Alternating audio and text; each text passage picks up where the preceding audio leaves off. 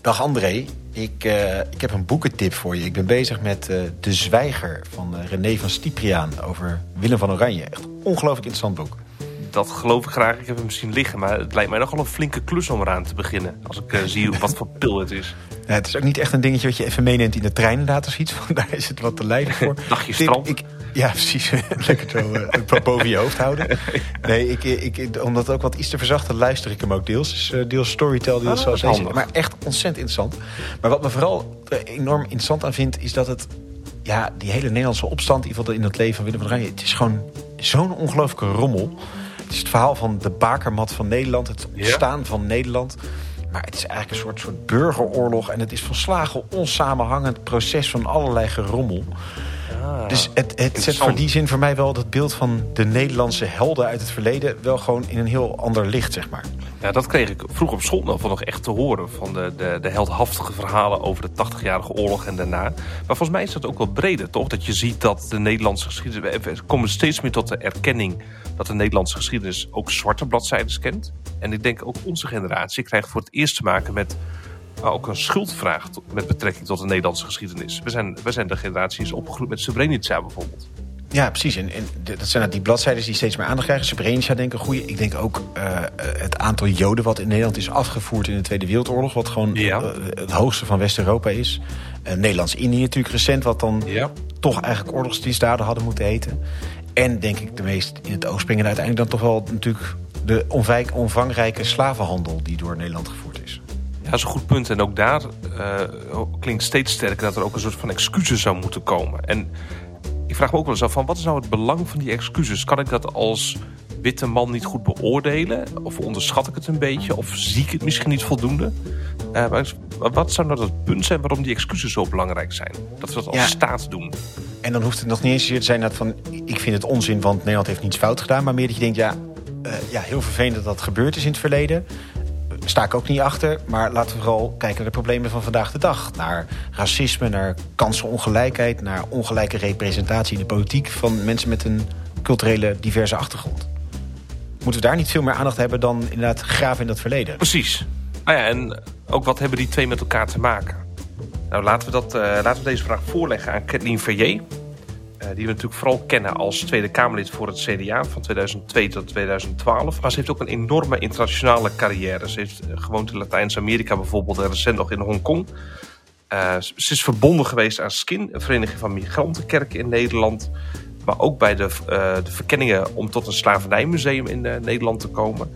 En ze is voorzitter van de Nederlandse UNESCO-commissie. Kortom, een autoriteit op dit gebied. En volgens mij uitermate geschikt om hier eens een gesprek over te voeren met haar. Ik ben heel benieuwd. Veel plezier. Dag Kathleen, mooi dat je te gast bent in onze podcast. Hallo Allard, fijn dat ik jullie gast mag zijn. Ja, en we zitten, zoals de luisteraar misschien hoort, op afstand. En dat is niet vanwege ons twee, uh, Kathleen, maar vanwege André. Inderdaad, ja, getroffen door corona. Ik dacht er vanaf uh, te zijn, of tenminste de dans te ontspringen. Maar ik ben uh, getroffen met een besmetting. Uh, dus veiligheidshalve zitten we op afstand. Ik mag de quarantaine nog niet uit. Maar gelukkig treffen we elkaar toch. Dus dat, uh, dat, dat, is het mooie dat ja, we dat toch hebben weten te regelen. Tof dat ja, het precies. zo kan, hè? Dat hoort ook ja. een beetje bij deze tijd. Klopt. Precies. Ja, we laten ons niet meer door uh, dit soort barrières weerhouden. Zo is dat. Maar heel mooi, Kalien, dat je bij ons aanwezig wilt zijn. Allet en ik hadden het er net even over. Het, het gaat inmiddels veel over het al dan niet maken van excuses voor het uh, slavernijverleden. Verschillende steden hebben het al gedaan, maar de Nederlandse staat nog niet. Wij vroegen ons eigenlijk af waarom dit zo'n belangrijke kwestie is. En zouden we ons niet veel meer bezig moeten houden met hedendaagse problemen van racisme en ongelijkheid?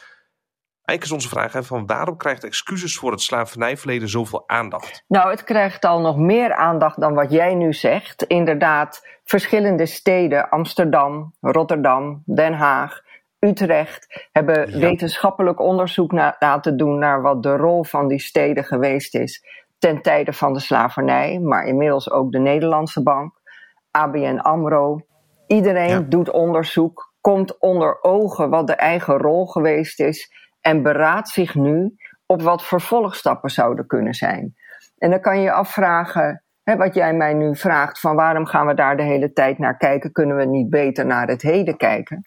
Ja. Maar je kan het heden niet begrijpen als jij niet onder ogen komt wat in het verleden gebeurd is.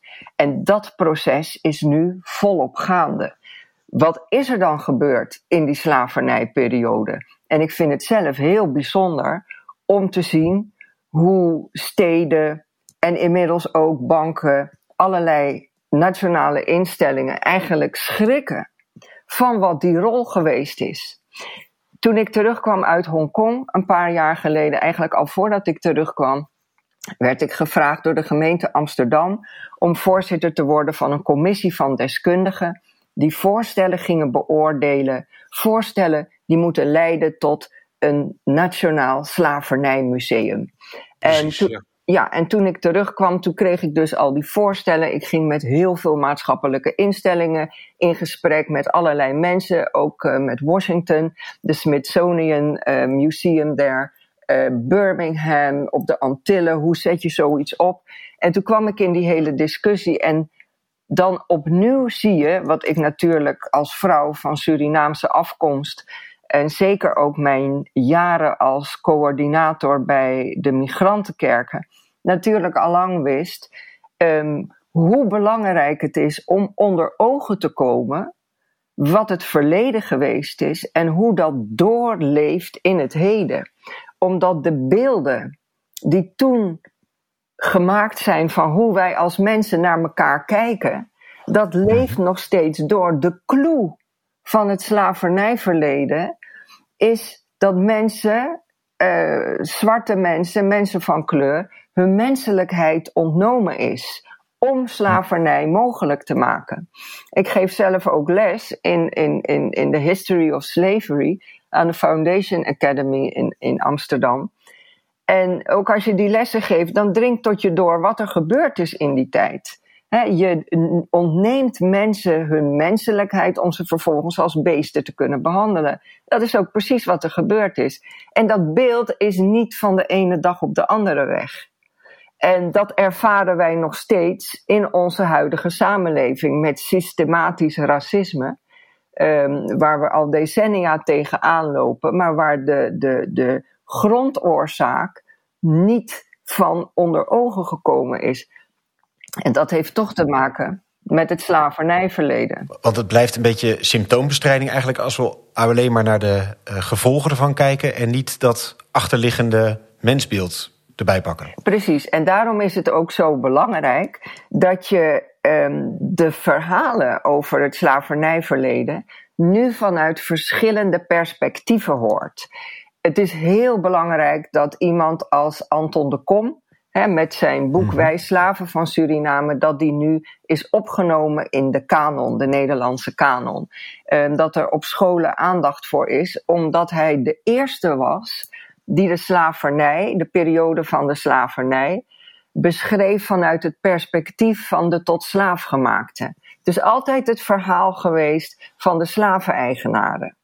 Maar je ziet dat om te begrijpen waarom het heden zo is, je naar het verleden moet kijken vanuit die verschillende perspectieven en niet één kant van het verhaal je het totale beeld kan geven. En hoe belangrijk dat is, hebben we natuurlijk ook allemaal gemaakt. Kijk, als, als jullie mij vragen van waarom ineens al deze aandacht, dan heeft dit natuurlijk, speelt dit al decennia. Toen ik in de Kamer zat, werd ieder jaar rond eind november werd aan de Kamerleden een petitie aangeboden door een groep activisten dat we toch moesten ophouden met Zwarte Piet, omdat dat een heel racistisch iets is. En dat bij het aanbieden van die petitie ik vaak een van de heel weinige Kamerleden was die daarbij aanwezig was, omdat het, uh, men vond het een onzin-issue. Nou, ik niet. Uh, maar het werd niet echt een discussie, niet in mijn fractie, maar ook niet in de Kamer. Maar je ziet dat de Black Lives Matter uh, beweging, uh, dat dat momentum, dat dat toen is aangeslagen en dat mensen zien, wat is hier eigenlijk aan de hand? Wereldwijd. Je noemt net uh, dat je bij dat slavernijverleden uh, museum keek naar Birmingham, naar Amerika. Klopt het daarmee ook het beeld dat Nederland hierin achterloopt? Of was het toevallig dat deze twee landen uh, daar er wel aandacht voor hadden? Of loopt Nederland achter in dit thema? Nou, je zou misschien uh, in het algemeen kunnen zeggen dat breed in Europa um, er een algemeen superioriteitsgevoel heerst, nog steeds. En dat is breder dan alleen de slavernijdiscussie hoor. Dat heeft ook te maken met alle geopolitieke wijzigingen die er uh, in een rap tempo plaatsvinden. Dat het Europese standpunt steeds meer een minderheidsstandpunt wordt. Hè, dus het streven naar democratie. Maar um, uh, nou, die landen die hebben al lang dit soort musea. Of je daarmee kunt zeggen dat Nederland achterloopt. Um, ik denk wel dat in Nederland de discussie, het, besef van wat er aan de hand is en waarom we de uitdagingen hebben in onze samenleving wat betreft systematisch racisme um, dat dat onder ogen komen, um, ja, dat het hoog tijd is, laat ik het zo zeggen. Ik wil het niet per se hebben over achterlopen of niet, maar dat het wel hoog tijd is dat we de ogen openen voor wat hier aan de hand is en waar het vandaan komt. En is het iets typisch Nederlands dat we zoveel moeite hebben met het erkennen van die zwarte bladzijden? Ik las in het nieuwste boek van Ernst Berlin, uh, waakzaam burgerschap, dat in Nederland bestaat ook een beetje het, het, het uh, gevoel van we anonimiseren graag het kwaad. Dus het zijn de anderen die het ons aandoen. Dat nu voor het eerst worden we steeds geconfronteerd met onze eigen zwarte bladzijden. Nederlands-Indië, maar ook onze rol in het slavernijverleden. Jij hebt in meerdere landen op de wereld gezeten, uh, meer dan, dan, dan dat ik heb gezeten. En merk je dat dit een Nederlandse reflex is om dat verleden toch wat op te poetsen? Of het echt Nederlands is, of het in uh, Frankrijk of België zoveel veel beter is, daar ga ik me niet over uitlaten. Maar ik zie wel dat in Nederland er een uh, grote moeite is om het eigen, um, het eigen beeld van uh, wij zijn goed en open en wij doen dat soort dingen niet. dat dat wel een vrij overheersend beeld is. Hè? Van, um, en ook wat je tot nu toe gehad hebt, laten we het er maar niet meer over hebben, want het gaat over onze voorouders en waarom moet ik daar nou excuses over aanbieden? Um, nee, het is hoog tijd dat. Um, en daarom was, als je het hebt over excuses, wat ik zelf een heel ontroerend moment vond. En ik schrok eigenlijk ook een beetje, of schrok, ik dat is niet het goede woord. Ik was verbaasd over de impact die het op mij had. Toen op een gegeven moment bij uh, Holocaust Day in januari, ik meen dat het 2020 was, um, dat. Um, nee, ja, het was 2020 denk ik, dat Mark Rutte excuses aanbood voor wat er in die tijd gebeurd is. En ook dat moment, uh, jaren later, op, um, bij de dodenherdenking op de Dam, dat de koning excuses aanbood voor de houding van zijn grootmoeder ten tijde van de Tweede Wereldoorlog. En dan besef je wat de impact het heeft als je excuses maakt. Want wat doe je daar? En dat refereert precies aan wat jij zegt, André. Je plaatst de ander op de voorgrond en niet jezelf. En je kan misschien wel zeggen dat Nederlanders, en ik zeg daar meteen bij Europeanen in het algemeen, het idee hebben om zichzelf op de voorgrond te plaatsen, omdat ze denken dat zij nog steeds de norm bepalen die uiteindelijk wereldwijd zou gelden. Want iedereen wil toch zo worden zoals wij. Nou, dat ja, is niet precies. zo. Nee. En die bescheidenheid, dat de ander op de voorgrond plaatsen, en dat doe je als je excuses aanbiedt. Dat, um, ja, dat, dat is de impact die het heeft. En daarom raakte het mij ook zo. Ja. En, en, en wat maakt nou dat deze beweging ingezet is? Je, je noemde net uh, Zwarte Piet en Black Lives Matter, maar dit, zo'n beweging van dat je de ander meer op de voorgrond vecht, lijkt me ook niet iets wat in een paar jaar ontstaat, zeg maar. Hoe nee. zie je daar inderdaad een lange aanloop in? Of, nou, daar is heel hard aan gewerkt natuurlijk, jarenlang. Mm -hmm. Ik heb dat zelf ook heel bewust meegemaakt. En natuurlijk toen ik uh, uh, algemeen secretaris was van SKIN, Samen Kerk in Nederland, de Vereniging van Migrantenkerken, waar we um, bij die grote migrantengemeenschappen ook voortdurend aandacht vroegen van kijk nou eens wat er in die christelijke migrantenkerken gebeurt. Um, hoe men daar uh, het cement van de samenleving is. En je maar geen erkenning krijgt voor datgene wat van daaruit gebeurt. Nog altijd van de gedachte, nou het is wel aardig wat jullie doen, maar wij uiteindelijk willen jullie en moeten jullie worden zoals wij. En die gedachte heeft in het verleden tot heel veel narigheid geleid ook in de jaren kort na, zeg maar de jaren 70, 80, toen gezinshereniging mogelijk werd na de eerste. Um, de, de, de, eerste uh, dat, dat er um, migrantenarbeiders kwamen uit Noord-Afrika. Nou, toen had je dan dat er gezinshereniging mogelijk werd. En uh, de gedachte was toen, als we die mensen maar rustig hun ding laten doen, uh, hun eigen taal spreken, de, de, alles wat zij willen, um, dan ze zullen vanzelf die achterlijke gewoontes van hun land van herkomst wel kwijtraken. Als ze onze moderniteit zien, dan zullen ze hun religie laten vallen, hun manier van opvoeden, hun taal. Want ze zullen vanzelf zo willen worden als wij. En dat is een misvatting. En die misvatting zie je nog steeds breed in Europa. Als je kijkt naar China, als je kijkt naar uh, ontwikkelingen in Latijns-Amerika. Die gedachte, uiteindelijk zal iedereen democratisch willen worden, net zoals wij. Dat is helemaal niet zo. En daar zit dus de, uh, de kern van waaruit er zoveel scheef groeit. En vandaar dat ik ook pleit voor die bescheidenheid in de Europese, maar ook Nederlandse opstelling. De, de noodzaak inzien de ander op de voorgrond te plaatsen. En niet jouw manier van denken en redeneren. Ervan uitgaande, ze zullen wel zo worden, zoals, willen worden zoals ik kijk, mijn moderniteit, kijk alle verworvenheden die ik heb, dat is toch aantrekkelijk voor iedereen. Dat is niet zo. Nee. En je ziet dus dat daar ja, decennia lang heb, is er gewerkt aan bewustwording, ook vanuit Skin gedaan. Ook toen ik in de Tweede Kamer zat, uh, probeer je daar um, input op te leveren.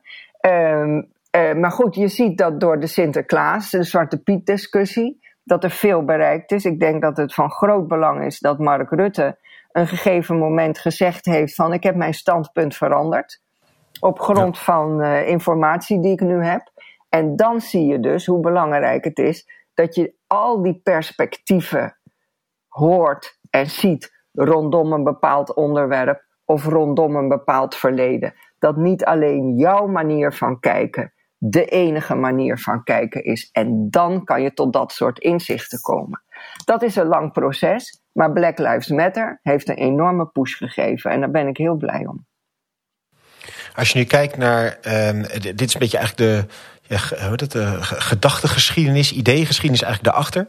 Als je kijkt naar de uh, praktische vertaling ervan vandaag de dag, uh, zie je daarin ook zo'n toch uiteindelijk opgaande lijn, waarin het uh, steeds meer in de picture komt? Of zie je daar ook, nou, verloopt het langs een ander pad? Ik bedoel bijvoorbeeld politieke representatie, uh, racisme, uh, ongelijke kansen, et cetera. Zie je daar een vergelijkbare trend in? Nou, het gaat allemaal veel te langzaam. Um, hm.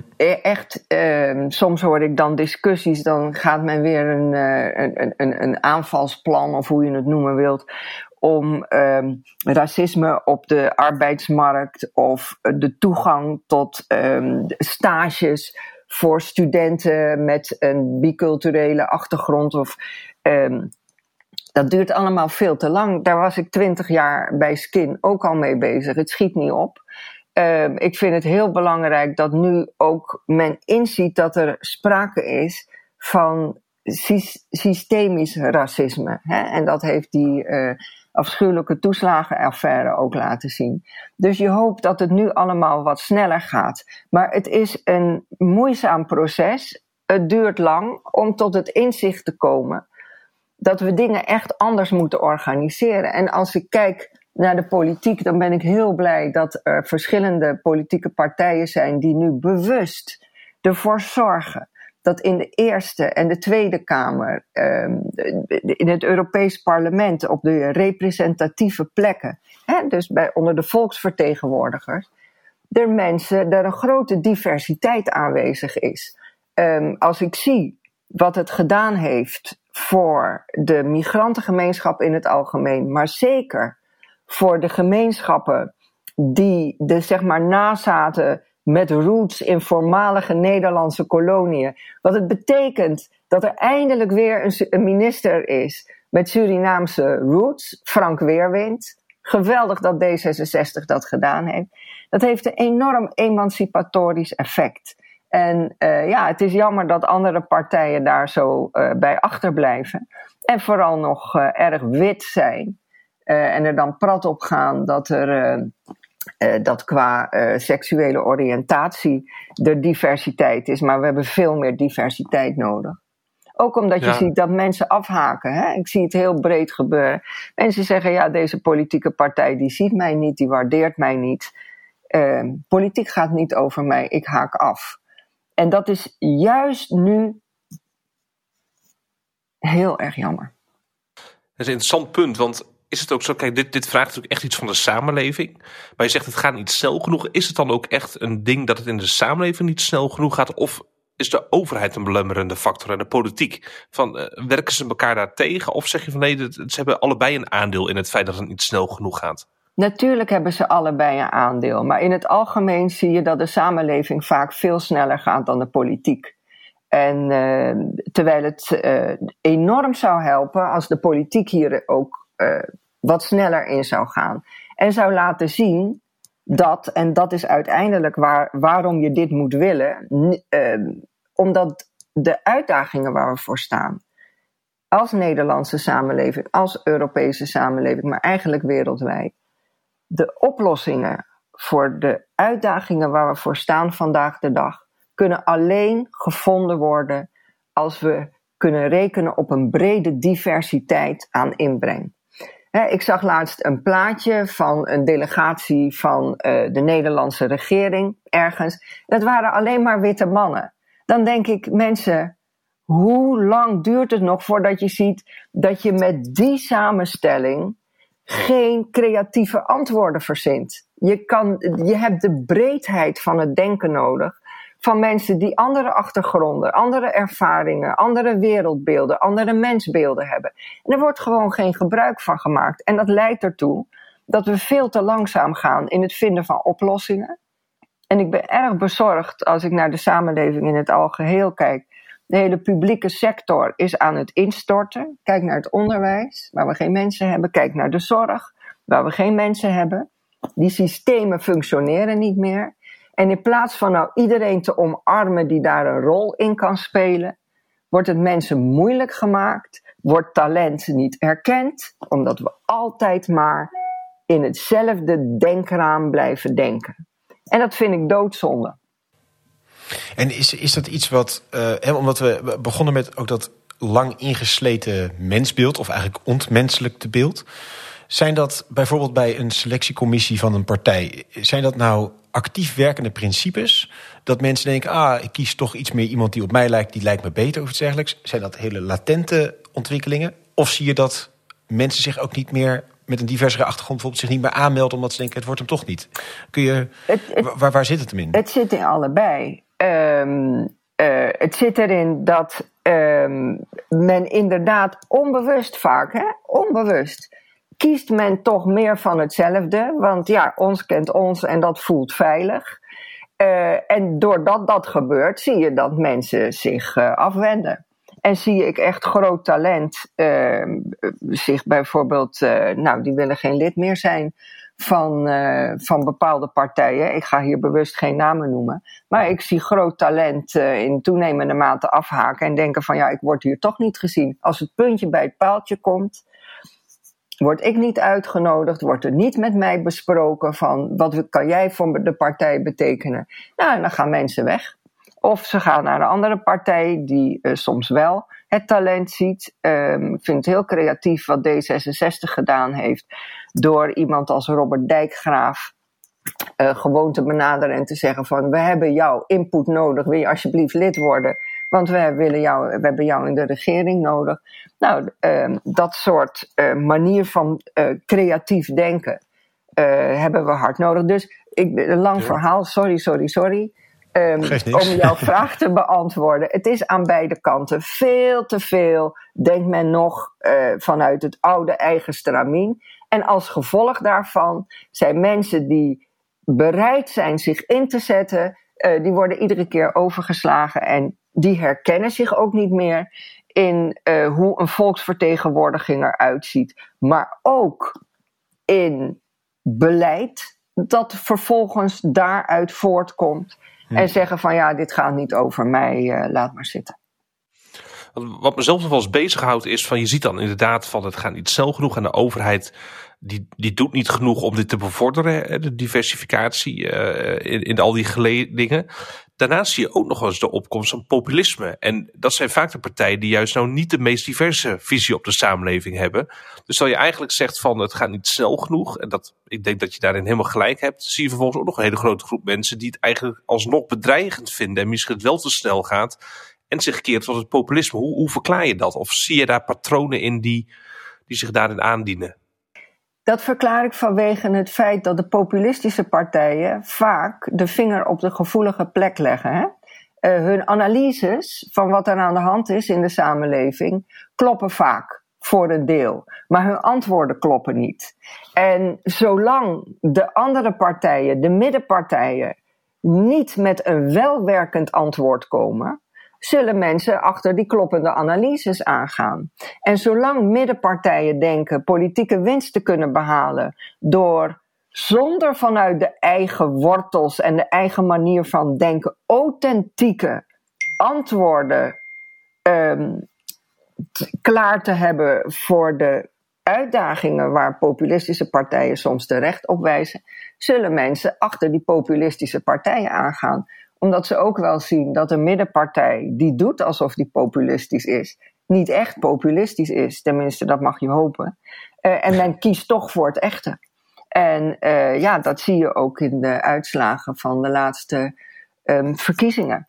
Dus ik zou zeggen, uh, zie wat er gaande is in de samenleving en kom met passende oplossingen. De oplossingen van de, van de populistische partijen is vaak terug naar vroeger dat gaat niet werken. We moeten juist visionair over de toekomst nadenken. En om met oplossingen te komen heb je juist de input van een brede diversiteit nodig. En die wordt niet gebruikt, dus komen die oplossingen niet. Dus denken mensen nog steeds, nou, dan ga ik maar uh, achter een populistische partij aan. Ja. Zou je een voorbeeld kunnen geven van zo'n uh, terechte vinger op de zere plek waar dan vervolgens een verkeerd antwoord op komt? Nou, bijvoorbeeld uh, wat ik net zei, hè, wat ik ook bij Skin heb meegemaakt. Het feit dat migrantengemeenschappen uh, een beetje aan hun lot zijn overgelaten. Van nou, ga maar rustig je ding doen totdat je net zo geworden bent als wij. Dan kunnen we met elkaar praten. Het is heel kort door de bocht gezegd. Hè? Dat is niet gebeurd, waardoor er dus heel veel scheefgroei was. En dat is op een gegeven moment geadresseerd, natuurlijk door Pim Fortuyn, um, en door anderen, die vervolgens met de oplossing kwamen van we moeten ze tegenhouden. Maar dat is niet de oplossing. De oplossing zou zijn, hoe kunnen we uh, mensen laten zien dat we geïnteresseerd in ze zijn, dat, dat we hun bijdrage nodig hebben. Waar lopen zij tegenaan? Wat speelt er? En toen ik lid werd van het CDA, om dan toch even het daarover te hebben, -hmm een van de, de, redenen waarom ik lid werd van het CDA was dat precies deze manier van denken in die tijd um, de, de, de, manier van denken was. Ik ben de partij binnengekomen binnen een groep van zwarte migranten en vluchtelingenvrouwen die door het CDAV in het leven was geroepen. Niet om als zwarte apart gezet te zijn, maar om daar um, te bespreken waar wij tegenaan liepen. En om aan te geven hoe wij mogelijke oplossingen zagen. En die werden vervolgens door de toenmalige partijvoorzitter Marnix van Rij. of de toenmalige fractievoorzitter Jaap de Hoop Scheffer. meegenomen in het politieke handelen. En dat is precies wat er moet gebeuren. Maar dat gebeurt nu niet meer.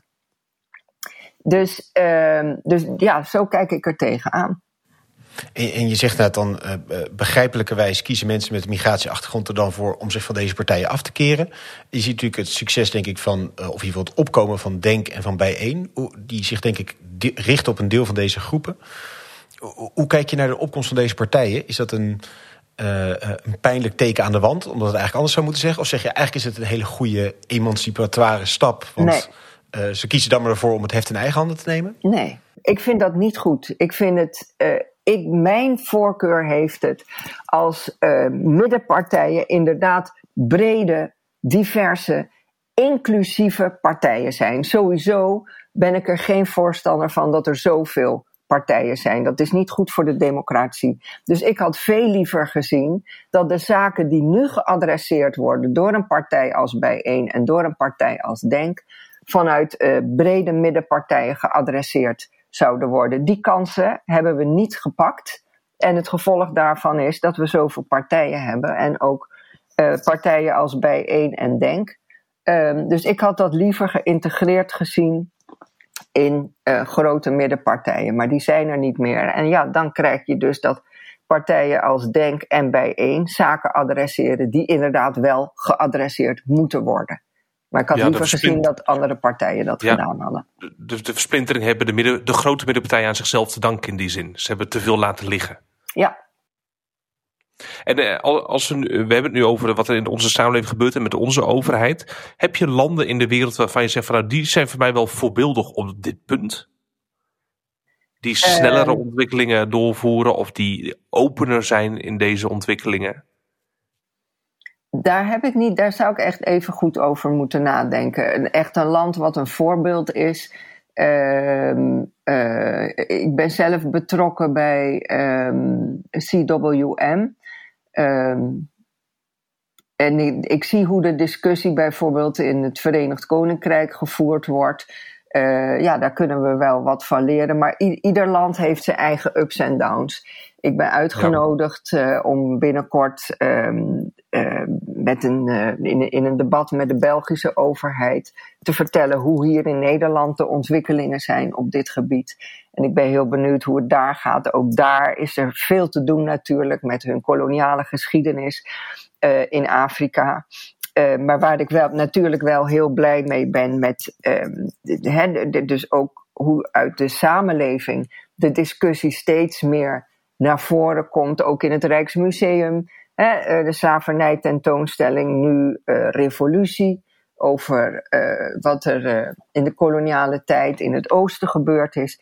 En dat onder ogen komen is voor mij echt een heel belangrijk begin. Ja, ja. Je noemt de revolutie, van, waar natuurlijk ook David van Rijbroek een boek over heeft geschreven. Ik begreep nog dat hij door een PVV-Kamerlid boos was getweet. Misschien moet je ook eens een boek schrijven over het koloniale verleden van België. Dat, zei je, nou, dat heb ik toevallig ook al gedaan. Dus ja. Dus dat is wel vrij grappig. Nou. Die had niet helemaal de, de bibliografie op orde. Congo, wat um, een magistraal boek is dat, hè? Ja, echt fantastisch. Ja. ja. Ongelooflijk, uh, ongelooflijk verhaal, ja. André vroeg net al van uh, welke rol heeft de politiek hierin? Welke stappen kunnen we zetten om als samenleving hier eigenlijk meer beweging in te zetten? Die David van Rijbroek heeft voor mij ten aanzien van zowel Nederlands-Indië als Congo een, een, rol gespeeld, zeg maar, door inderdaad die kennis te vergaren. Welke andere stappen zouden we daarin kunnen zetten om als samenleving hierin meer in beweging te komen? Ja, kijk, wat je nu ziet, hè, waar we net waar we mee begonnen, die um, wetenschappelijke onderzoeken van alle steden, uh, de Nederlandse Bank, ABN AMRO, nou iedereen gaat hiermee komen. Uh, en natuurlijk gaan er op een gegeven moment, dat kan niet anders, dat is ook noodzakelijk, nationale excuses komen. Hè, uh, nu doen de steden het, maar het moet nationaal moeten er excuses komen. Um, dat is allemaal heel belangrijk, maar het is niet genoeg. Wat ik belangrijk vind is het helingsproces waar behoefte aan is. En dat is een spiritueel proces. En um, het, het lastige is dat we daar geen rituelen, geen taal, geen symbolen voor hebben. Dat is lastig, maar dat biedt ook tegelijkertijd een kans om die in gezamenlijkheid te ontwikkelen. Want met excuses alleen zijn we er niet. En mensen hikken aan tegen excuses. Oh, want dan moeten er herstelbetalingen komen. Ik zou zeggen, voordat dat weer een aanname is, ga in gesprek met de gemeenschappen. En dan zou je zien dat het helemaal niet alleen om herstelbetalingen gaat. Maar dat er hele creatieve ideeën zijn over hoe je daarmee een invulling zou kunnen geven als er dan eenmaal excuses gemaakt zijn. Mijn zorg is dat als die excuses gemaakt zijn, dat het is van uh, oké, nou dat hebben we gedaan, nu is het klaar en nu gaan we verder. Terwijl ik zie dat wat deze samenleving nodig heeft, is een helingsproces. En uh, je kan natuurlijk nooit één op één dingen overnemen, maar als ik kijk bijvoorbeeld naar de Waarheids- en Verzoeningscommissie in Zuid-Afrika, toen voorgezeten door um, Desmond Tutu. wat ik daar een mooi voorbeeld van vind, is dat het een plek was, het bood een platform aan alle mensen om hun verhaal te doen vanuit al die verschillende perspectieven. En men luisterde naar elkaar. En ik denk dat we zo'n soort platform ook nodig hebben. En daarom dat ik bezig ben met een aantal mensen om inderdaad te kijken of je iets uh, als zo'n waarheids- en verzoeningscommissie hier ook vorm zou kunnen geven, waarbij de overheid, maar ook religieuze organisaties een rol kunnen spelen in het gezamenlijk kijken naar de toekomst van de, uh, de bevolking van het Koninkrijk der Nederlanden, naar een gezamenlijke toekomst kijken. En kijken welke taal, welke symbolen, welke rituelen we nodig hebben om die toekomst ook echt gezamenlijk in te gaan. Kijk, met die Waarheids- en Verzoeningscommissie had je te maken met dat de, de daders en de slachtoffers leefden. Uh, dus dat kan je niet vergelijken. Nee. En ik denk dat je ook niet per se verzoening moet willen, omdat wat er gebeurd is zo verschrikkelijk is, het ontmenselijke van tot slaafgemaakte, dat je niet om verzoening mag vragen. Uh, dus dat moet je niet willen, maar je moet wel zo'n platform creëren waar alles gezegd kan worden door iedereen. Hè? Nadrukkelijk niet alleen de nazaten van de tot slaafgemaakte, of mensen nazaten van mensen uit de Oost, tot slaafgemaakt daar. Um, maar ook de mensen die voelen dat hun veilige omgeving hun wordt afgepakt. Um, dus dat al die geluiden, al die perspectieven aan de orde kunnen komen. Ik vond, ik vond zelf daar de, de plantage van mijn voorouders, van de, de, de podcastreeks over wel een interessant voorbeeld. Dat was allereerst al een prachtige uh, zoektocht, zeg maar. Maar er zat er ook op een gegeven moment zo'n ja, zo'n soort platformbijeenkomst eigenlijk bij. Van de twee families. De ene familie, de slavenhouders, en de andere tot slaafgemaakte. Zaten op een gegeven moment bij elkaar in een ruimte, zeg maar. Tegenover elkaar. Wat ze al overigens ook veelzeggend was dat ze zo elk hun uh, eigen kant kozen.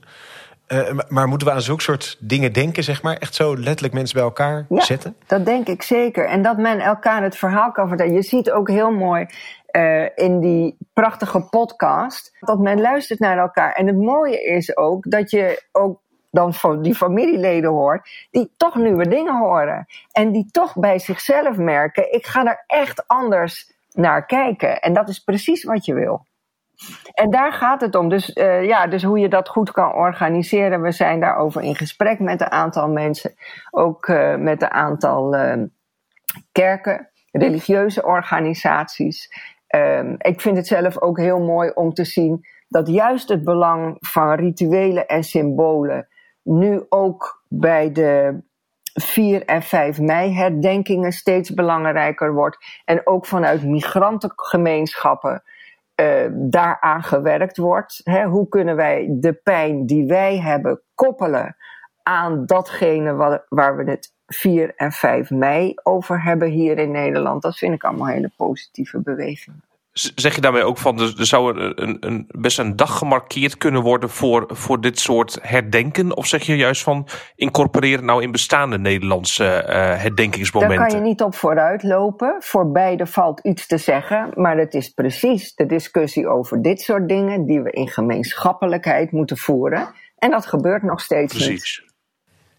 En wat ik me wel afvraag, bij, als ik dit alles zo hoor net, is dat, dat op de voorgrond zetten van de ander, dat ook een deel waar denk ik, de populistische partijen op appelleren, is misschien wel de angst die daarachter zit. Inderdaad, van wat is ons verhaal eigenlijk?